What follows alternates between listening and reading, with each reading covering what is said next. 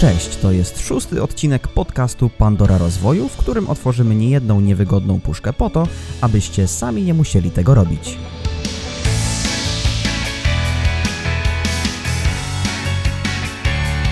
Dzisiaj porozmawiamy o tym, czym jest kłamstwo, w jaki sposób można je wykryć analizując mowę ciała oraz czy mówcy i trenerzy okłamują widownię ze sceny.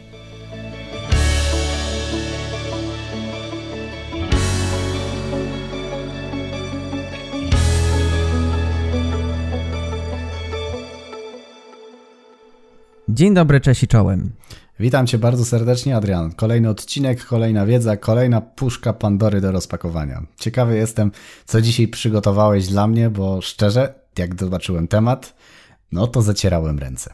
Mam nadzieję, że nasi słuchacze, którzy też przeczytali tytuł tego odcinka, zacierają ręce i jakieś instynkty FBI-owskie i CIA-owskie im się uruchomiły, bo dzisiaj rozmawiać będziemy o kłamstwie, o tym, czym jest kłamstwo, jak wykryć kłamstwo, czy nasze ciało zdradza siebie, jeśli chodzi o kłamców, e, no i czy mówcy i trenerzy kłamią podczas swoich wystąpień. Tutaj będzie jak na spowiedzi praktycznie, jak na przesłuchaniu mówcy. Coś e, déjà vu jakieś świta ci w głowie? Tak, chyba jest taka książka, kojarzę przesłuchanie mówcy. No, coś, coś, coś jest. Podobno dobra. Tak, podobno dobra. Czytałem, widziałem, polecam. E, także odsyłamy do przesłuchania mówcy Dawida Świstka i zaczynamy z grubej rury. E, pierwsze pytanie takie bardzo filozoficzne. Po co jest kłamstwo i czym ono w ogóle jest? Wiesz co, e, ja kiedy uczyłem się w ogóle mm, zarządzania jakby umiejętnością perswazji, tych wszystkich elementów, które dotyczą komunikacji i tak dalej, kiedy wszedłem na temat kłamstwa, to mnie się zawsze wydawało, że kłamstwo to jest coś bardzo złego. Tak mnie wychowywano, że nie wolno kłamać i w ogóle i tak dalej, że kłamstwo to takie coś bardzo, bardzo negatywnego, ale z czasem y, znalazłem taką definicję, która jest mi bardziej bliska, że kłamstwo to jest pewnego rodzaju forma dezinformacji, czyli wprowadzania naszego odbiorcy w błąd. Czyli na przykład kameleon, który na drzewie zmienia kolor, to też wprowadza potencjalnego, mm, że tak powiem, drapieżnika, który chciałby go zaatakować w błąd, zmieniając kolor, ale to wcale nie jest złe. On to robi w dobrej intencji, bo chce siebie ochronić. I rzeczywiście, jak zacząłem sprawdzać, y, rzeczywiście, czy tak jest z kłamstwem i tak dalej, to zauważyłem, że Właśnie ta dezinformacja to jest dobre słowo, e, czyli nie kłamstwo, a dezinformacja, jeżeli chodzi o definicję samego kłamstwa. I nie chodzi o to, żeby teraz, wiesz, ja nie kłamię, ja po prostu dezinformuję i po prostu zacząć kłamać namiętnie, e, bo to, to nie o to chodzi. Natomiast, e, żeby nauczyć się w ogóle, czym jest kłamstwo, jak sobie z nim radzić, jak je wykrywać i w ogóle jak je zdefiniować, jakoś skategoryzować, to warto zrozumieć taką ideę kłamstwa, że bardzo często za kłamstwem stoi jakaś też pozytywna intencja, czyli kiedy my kłamiemy, no to nie robimy tego zawsze celowo, żeby kogoś skrzywdzić, a robimy to z jakąś pozytywną intencją dla nas. I nawet dziś widziałem takie mm, badania, które pokazywały, że jeżeli moglibyśmy coś osiągnąć, używając kłamstwa i mielibyśmy stuprocentową gwarancję, że nikt nigdy się o tym nie dowie, że skłamaliśmy, to byśmy skłamali. Mm, statystycznie też kłamiemy od kilku razy dziennie, a są różne rodzaje kłamstwa, o czym mam nadzieję, że też dzisiaj porozmawiamy. Mhm, mhm. E, jak najbardziej. E, ale Pytanie, które chyba zastanawia mnie i słuchaczy najbardziej, to czy możliwe jest wykrycie kłamstwa? To jest ten czas. Wiesz co, czy jest możliwe? Tak w 100% nigdy nie mam pewności, czy ktoś kłamie do momentu, kiedy nie mam dowodu czarno na białym. Możesz mieć wysokie prawdopodobieństwo kłamstwa, bo nawet wariograf w 100% nie daje ci e, zero-jedynkowego kłamie, nie kłamie. Oczywiście jest wiele metod, które mogą ci w tym pomóc, mogą ci przybliżyć, ale miejmy pełną świadomość, że nie mając dowodów, Nigdy nie możemy w 100%, nawet jeżeli już wiele wskaźników będzie nam to pokazywało, że tak właśnie jest. Co najwyżej wykrywanie kłamstwa może Ci pomóc w kierunkowaniu na przykład określonych działań, jakie mógłbyś zrobić w stosunku do jakiejś osoby, do jakiejś sytuacji, jeżeli widzisz, że tam jest bardzo dużo niespójności. Natomiast co do zasady, nie ma takiej techniki ani metody, która, jak Ci powiem, zrób tak, to od razu będziesz miał kłamie, mam pewność 100%. Nie ma czegoś takiego, to jest mit. Okay, czyli wiemy o tym, że nie ma zero-jedynkowego dowodu na to, że ktoś kłamie, e, ale czy nasze ciało reaguje na kłamstwo jak ciało Pinokia? Wiesz co, y, generalnie jeżeli chodzi o kłamstwo, to trzeba zrozumieć y, kilka elementów. Ja ucząc się psychologii kłamstwa, mm, tak naprawdę poznawałem, jak dużo elementów składowych trzeba wziąć pod uwagę, żeby rzeczywiście miało to ręce i nogi. Często jest tak, że nam się wydaje, że wystarczy, że ktoś dotknie nosa, to już o, kłamie, już go mam na gorącym uczynku, idzie, idziemy do więzienia. Nie? A to nie o to chodzi. Wykrywanie kłamstwa jest dużo bardziej złożonym procesem. Przede wszystkim musimy zrozumieć, czym jest w ogóle kłamstwo, to wiemy, że jest pewną formą dezinformacji, ale mamy różne rodzaje kłamstwa. Jest kłamstwo popełnienia, kłamstwo pominięcia i kłamstwo wpływu. Kłamstwo popełnienia, no to jak sama nazwa wskazuje, no to to jest kłamstwo, kiedy powiedzieliśmy, że czegoś nie zrobiliśmy, a to zrobiliśmy. Kłamstwo pominięcia jest wtedy, kiedy pomijamy istotne fakty, i ich w naszej wypowiedzi nie poruszamy, a gdybyśmy je poruszyli, to od razu by było wiadomo, że było inaczej niż mówiliśmy. Prosty przykład, jedziesz e, spóźniony, wychodzisz z domu do pracy, przyjeżdżasz do pracy, mówisz, spóźniłem się, bo był korek. Prawdą mogło być, że był korek, ale już jeżeli nie wspomnisz, że wyjechałeś 20 minut za późno z domu niż normalnie i gdybyś wyjechał normalnie, to nawet ten korek by nie sprawił, żebyś się spóźnił, byłbyś o czasie, no to to jest kłamstwo pominięcia. I teraz nasi słuchacze mogą się zacząć zastanawiać, kurczę, jak często pomijam. A kłamstwo wpływu to jest wtedy, kiedy nie odpowiadamy na przykład na pytanie, a próbujemy się wybielić na zasadzie, czy mi okłamałeś, a ktoś odpowie, wiesz, ja jestem osobą, która zawsze jest szczera z ludźmi i tak dalej. Czyli nie odpowiadasz zaredynkowo na pytanie, ale chcesz pokazać siebie w dobrym świetle.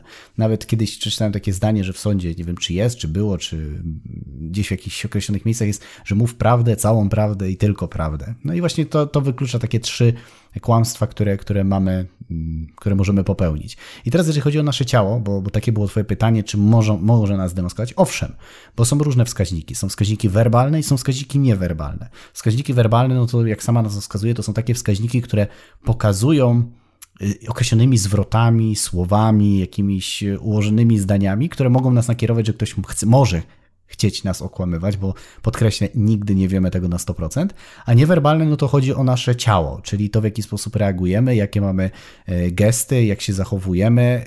Jest oczywiście tych wskaźników bardzo dużo, albo nawet e, jak pewnie kojarzysz, Paul Ekman opisywał e, różnego rodzaju mikroekspresje, czyli czy rzeczywiście jesteśmy smutni, czy udajemy y, smutek i takie różne drobne elementy, które oczywiście wymagają dużo wprawy, żeby to umieć wyłapywać, bo to jest często bardzo szybko e, robione. Natomiast jeżeli wiesz na co patrzeć, wiesz w jaki sposób, w jakiej kolejności, no to masz duże szanse, że będziesz w dobrym kierunku mógł wykrywać z dużym prawdopodobieństwem, że coś takiego ma miejsce jak kłamstwo. Czy w takim razie mógłbyś podać e, słuchaczom i mnie jednocześnie wskaźniki kłamstwa na płaszczyźnie werbalnej? Wiesz co, no jest kilka takich e, bardzo kluczowych. Przede wszystkim na przykład, jeżeli ktoś odnosi się do Boga. Czyli na przykład zadajesz pytanie w stylu okłamałeś się na Boga. Nie, no znowu to pytanie. Boże święty, na miłość boską. Wiesz, takie zwroty to jest już jakiś wskaźnik, który może pokazywać, że ktoś może chcieć nas okłamywać. Czyli to są często te werbalne, używane są w taki sposób, żeby zyskać czas, bo jak kiedyś przeczytałem, nie wiem, nie znalazłem badania, więc nie powiem, że tak jest zero-jedynkowo, ale mógłbym się z tym z dużym prawdopodobieństwem zgodzić, że mniej więcej jedna sekunda w takiej naszej normalnej rzeczywistości to jest jakieś 10 sekund dla naszego mózgu. Mnie to tak pozwoliło zrozumieć, dlaczego mózg tak szybko działa. W sensie, że jeżeli minęło 5 sekund, no to mózg miał powiedzmy 50 sekund, że mózg działa szybciej niż nasza rzeczywistość, szybciej przetwarza informacje i, i szuka. I często właśnie takie stwierdzenia nie nieodpowiadania od razu na przykład na pytanie, bo to też jest werbalne, że jeżeli zadajesz pytanie, a ktoś nie udziela ci od razu odpowiedzi, tylko jest cisza, albo na przykład jeżeli ktoś zadajesz mu proste pytanie w stylu mm, Adrian, czy mnie okłamałeś, a ty y, nie rozumiem jeszcze raz, czyli że nie rozumiesz prostego pytania, które nie jest skomplikowane, to też może być wskaźnik y, werbalny. Natomiast co chcę ba bardzo mocno podkreślić, żebyśmy o tym nie zapomnieli. W przypadku wykrywania kłamstwa nie są istotne same wskaźniki ale klastry, czyli innymi słowy łączenie wielu wskaźników, bo sam jeden wskaźnik, czyli jeżeli ktoś rzeczywiście zareaguje i powie na Boga i tam pójdzie jakaś dalej treść za tym, to to jest tylko jeden wskaźnik. Sam wskaźnik, sam w sobie, jeden, nic nie mówi.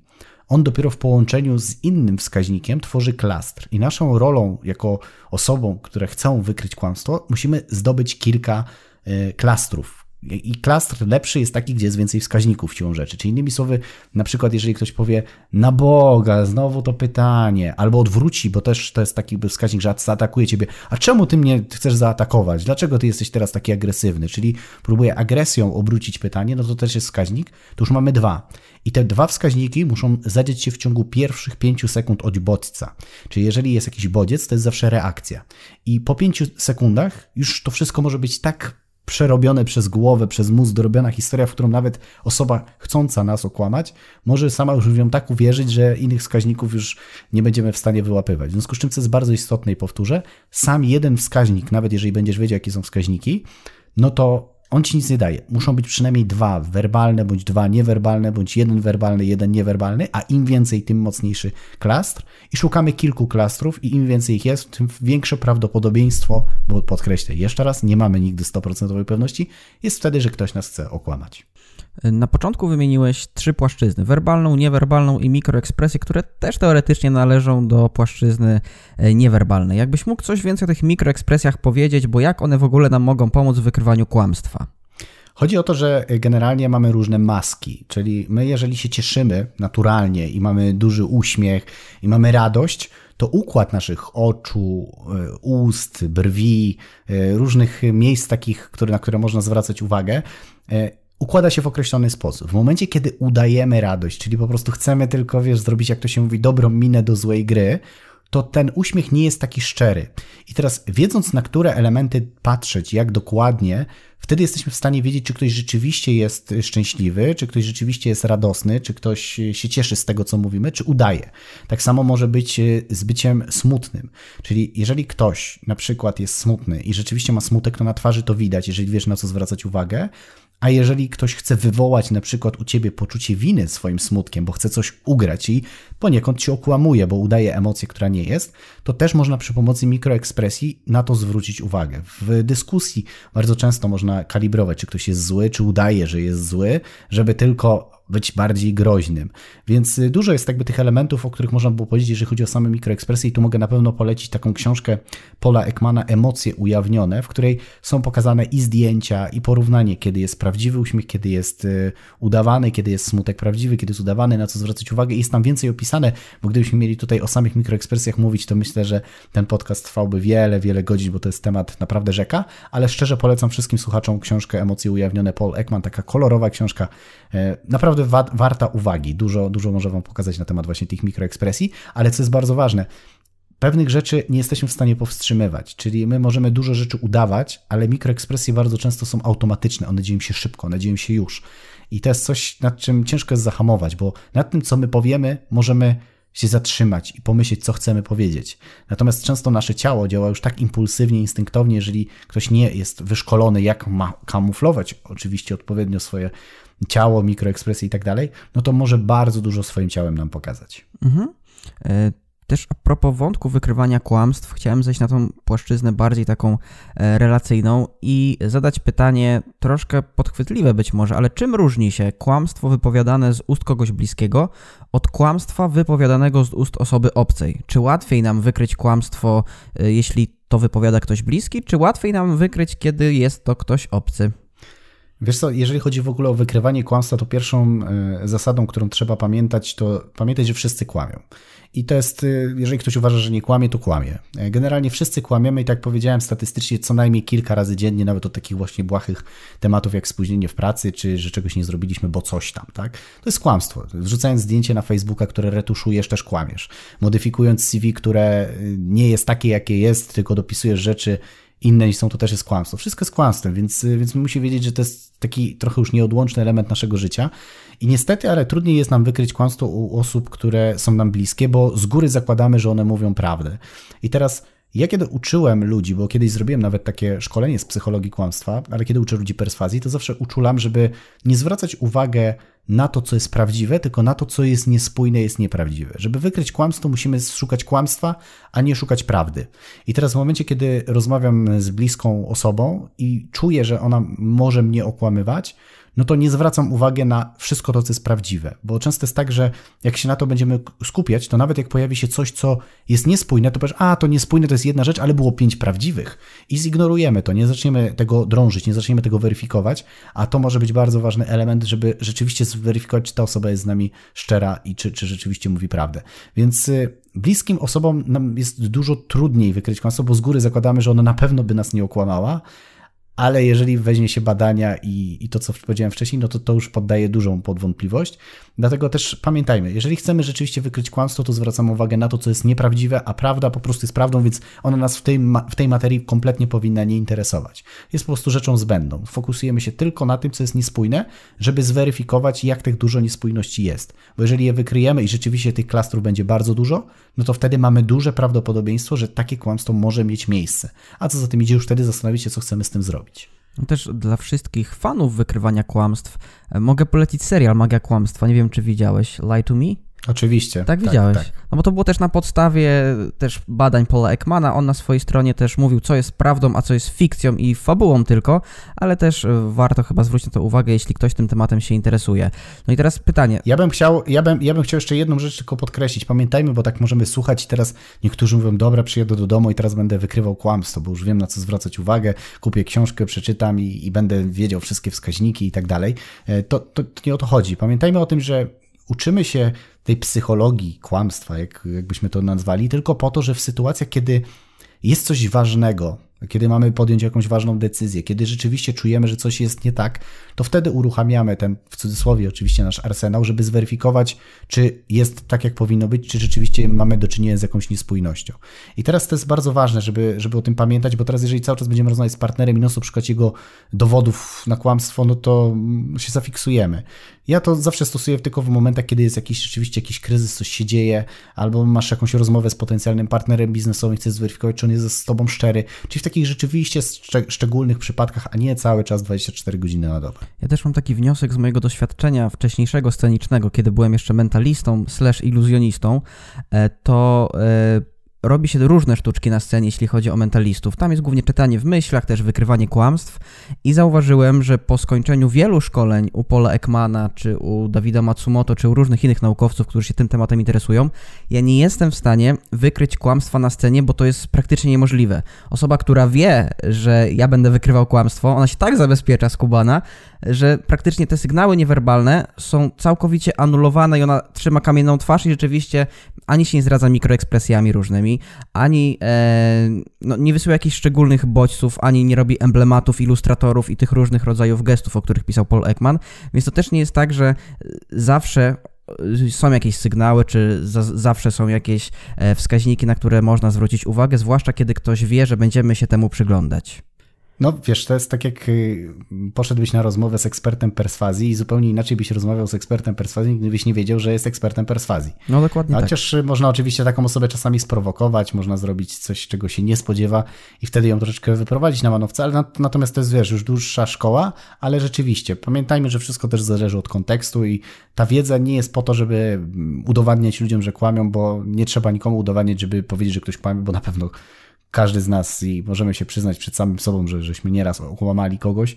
Natomiast y, po to, żeby w takich specyficznych y, sytuacjach, żeby mogło nam to pomóc, albo nam czegoś po prostu nas uratować na 100% w tym momencie słuchają nas osoby, które chcą wykrywać kłamstwa i chcą być takimi detektywami, gadżetami, Sherlockami, Holmesami czy innymi detektywami. E, no i w związku z tym, gdzie takie osoby mogą się nauczyć wykrywania kłamstw i czy to jest w ogóle możliwe? Czy można się tego nauczyć i opanować tę kwestię od A do Z? Znaczy opanować można, wiesz, e, ja nie uważam, że jestem jakimś wybitnym specjalistą w tej dyscyplinie. Uczyłem się tego jako jeden z elementów mojej całej układanki zdobywania kompetencji perswazji, wywierania wpływu, bo to jest coś, co mi się bardzo podoba i widziałem, że między innymi kłamstwo jest jednym z takich e, elementów, które, które może uzupełnić mój warsztat. Natomiast tak jak mówię, poleci, poleciliśmy bardzo ważnego człowieka, czyli Paula Ekmana i ja bym tutaj poszedł e, w jego kierunku, żeby z niego zgłębiać wiedzę stricte, jeżeli chodzi o tą dyscyplinę, bo on jest w tym akurat specjalistą. E, natomiast jest dużo innych książek. Jest taka książka, która nazywa się chyba Anatomia Kłamstwa, o ile pamiętam. E, jest też kilka innych takich książek, w których można właśnie wyczytać dużo fajnych takich rzeczy, o których mówimy i one dadzą ci teorię. Reszta już musisz zdobywać troszeczkę w praktyce. Natomiast co chcę podkreślić, dużo łatwiej uczy się na przykład takiej dyscypliny jak psychologii kłamstwa, jeżeli w ogóle rozumiesz, czym jest komunikacja, jak się to odbywa, y, rozumiesz zasady perswazji, wywierania wpływu, y, mowy ciała i tak dalej, i tak dalej, bo jeżeli masz większy obraz, to wtedy dużo łatwiej jest ci zrozumieć tę taką już wąską dyscyplinę, jaką jest kłamstwo.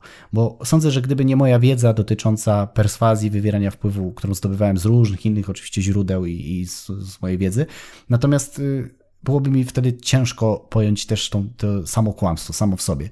Więc wydaje mi się, że to są bardzo połączone naczynia, że warto nauczyć się perswazji wywierania wpływu, a to wziąć jako taki dodatek, jako taką specjalizację, specjalność już jako dodatkowy element. I myślę, że to jest warte zapamiętania, że komunikacja na pierwszym miejscu, ale tak jakby z komunikacji wy, wynika kłamstwo, a nie na odwrót.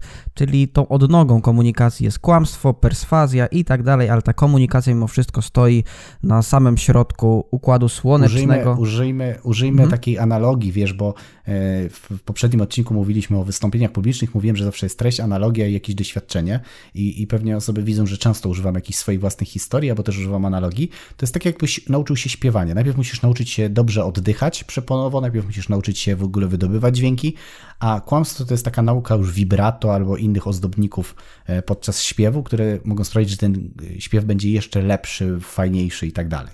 My tu pitu pitu, a poważne pytanie nadchodzi właśnie teraz.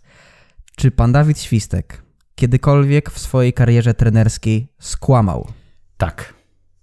Nie raz, nie dwa, ale wiele razy. E, to nie jest tak, że kłamał, kłamał z premedytacją, żeby, e, wiesz, oszukać ludzi, o, teraz wywrze na nich wpływ i tak dalej.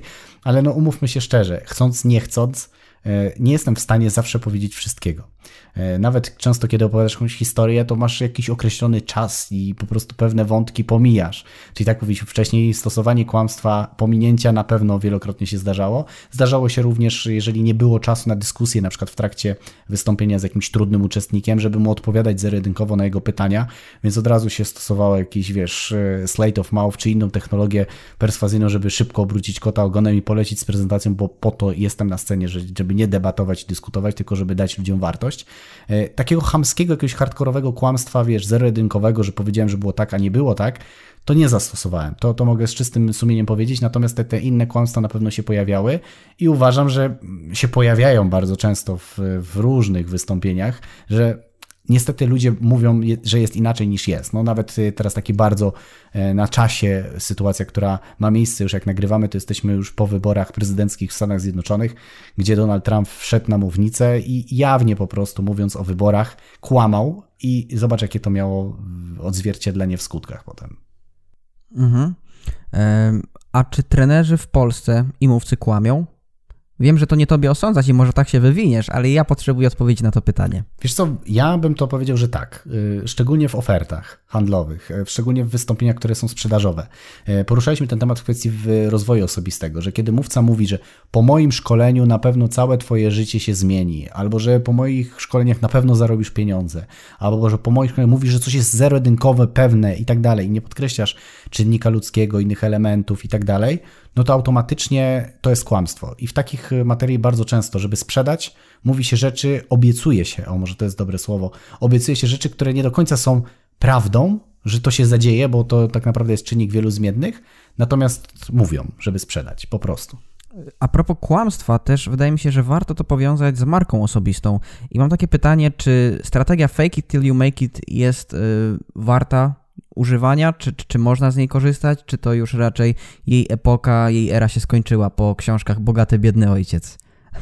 Znaczy, wiesz co, ja myślę, że, mm, że prawda i tak prędzej czy później wyjdzie na jaw. W przypadku budowania marki, y, takie oszukiwanie ludzi, czy pokazywanie czegoś, że nie wiem, mamy Lamborghini, a jest to wynajęte po prostu na godziny z jakiegoś, wiesz, to jest krótkotrwałe, to, to jest, wiesz, szybko coś tam, oczywiście możesz kogoś na to złapać, możesz coś, wiesz, e, zrobić, natomiast długoterminowo to nie ma skutków. Prędzej czy później ktoś to znajdzie, wytknie ci, e, powie, że, że to miało miejsce i będzie większy kwas niż, niż z tego było korzyść.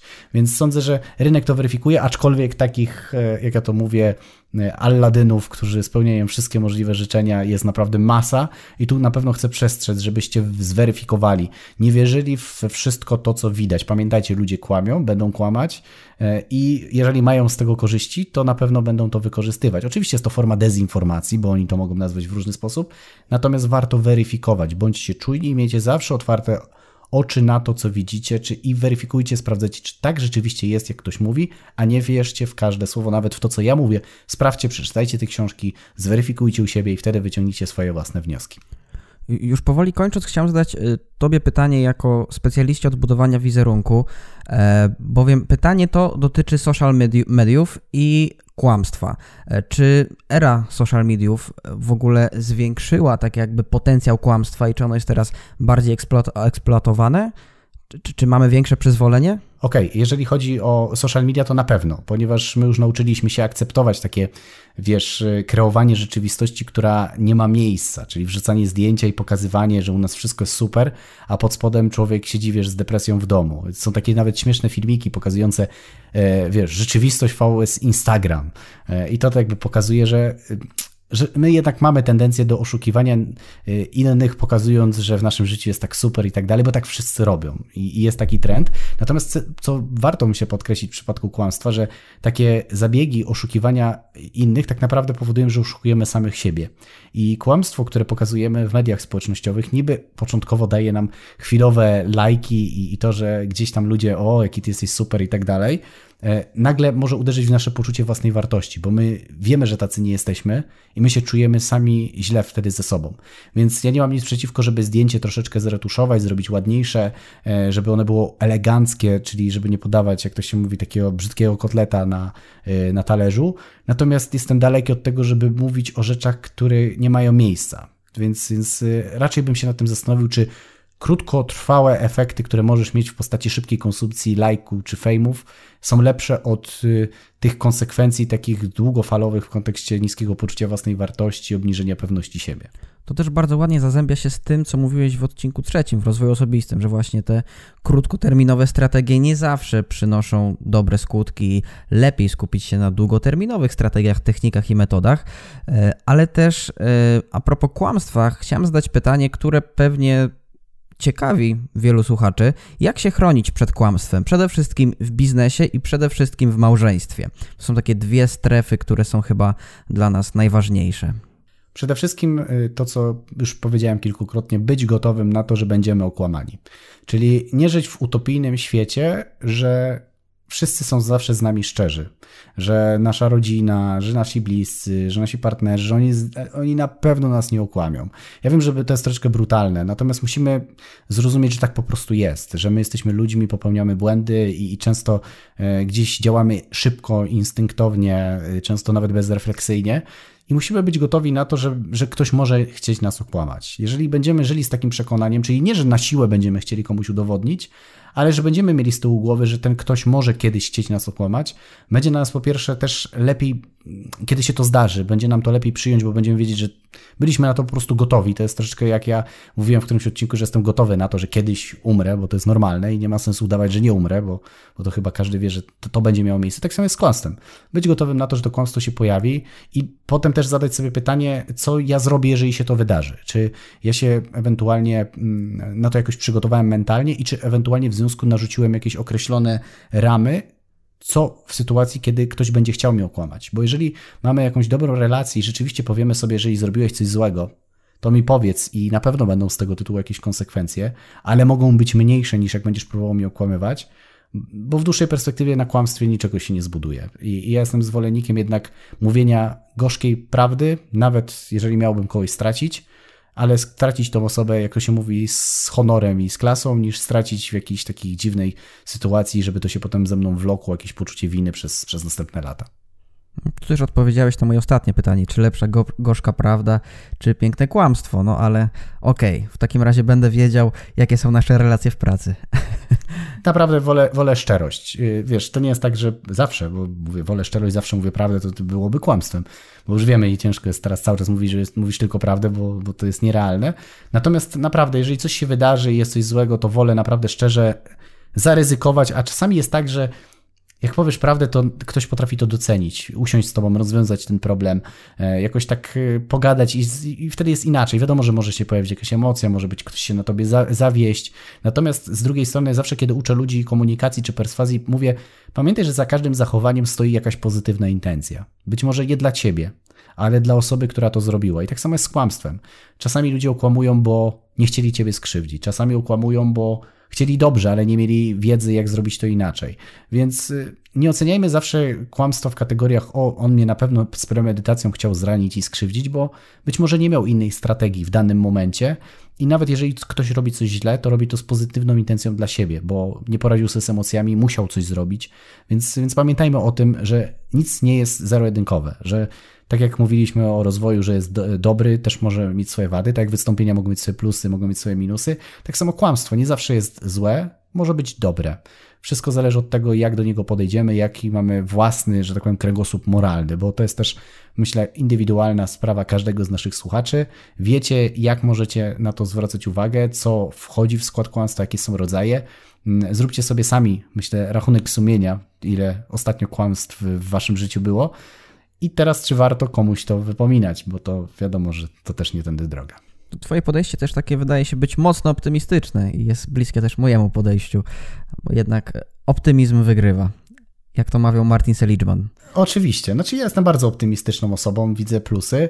Mm, jestem osobą, która potrafi skrytykować, potrafi powiedzieć, że coś mi się nie podobało, ale z drugiej strony zawsze szukam tych dwóch stron medalu. Czyli nawet jeżeli ktoś mnie zranił, zrobił mi krzywdę, to ja nie udaję, że mnie nie zraniło, bo nic się nie stało, wiesz, czyli po prostu różowe okulary, e, bo nazywam to, zranił mnie, nie spełnił moich potrzeb, e, czuję się skrzywdzony, odczuwam takie i takie emocje. Potrafię nazwać tą stronę tą taką być może nieprzyjemną dla mnie, ale z drugiej strony staram się też tą osobę zrozumieć, bo w momencie, w którym zrozumiesz tą drugą osobę, to jesteś w stanie dużo łatwiej też zrozumieć tą sytuację, która miała miejsce. Niekoniecznie musisz dalej się z tą osobą zgadzać, musisz mieć z nim relacje i tak dalej, nie musisz tego akceptować, popierać, ale kiedy zrozumiesz, jest dużo łatwiej nawet dla samego siebie. I teraz zdradzę Wam coś osobistego, skoro to jest puszka e, Pandory i rozwoju, to mogę Wam zdradzić e, taki mój własny osobisty sekret. Mianowicie Kiedyś bardzo mocno nienawidziłem swojego ojca, bo nie wiem, czy wiecie, ale my nie mamy kontaktu już od wielu, wielu lat. Z różnych tam względów to jest temat rzeka.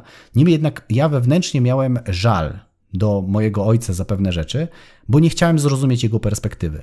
I w momencie, w którym postawiłem się po tej drugiej stronie i zrozumiałem, z czego wynikały jego działania, jakie podjął decyzje, dlaczego w pewnych momentach okłamywał, to ja się wcale nie musiałem z nim zgadzać, nie mówić, że dobrze zrobił ale ta nienawiść i te emocje, które gdzieś kiedyś były, one całkowicie zostały zutylizowane, bo zrozumiałem jedną i drugą stronę.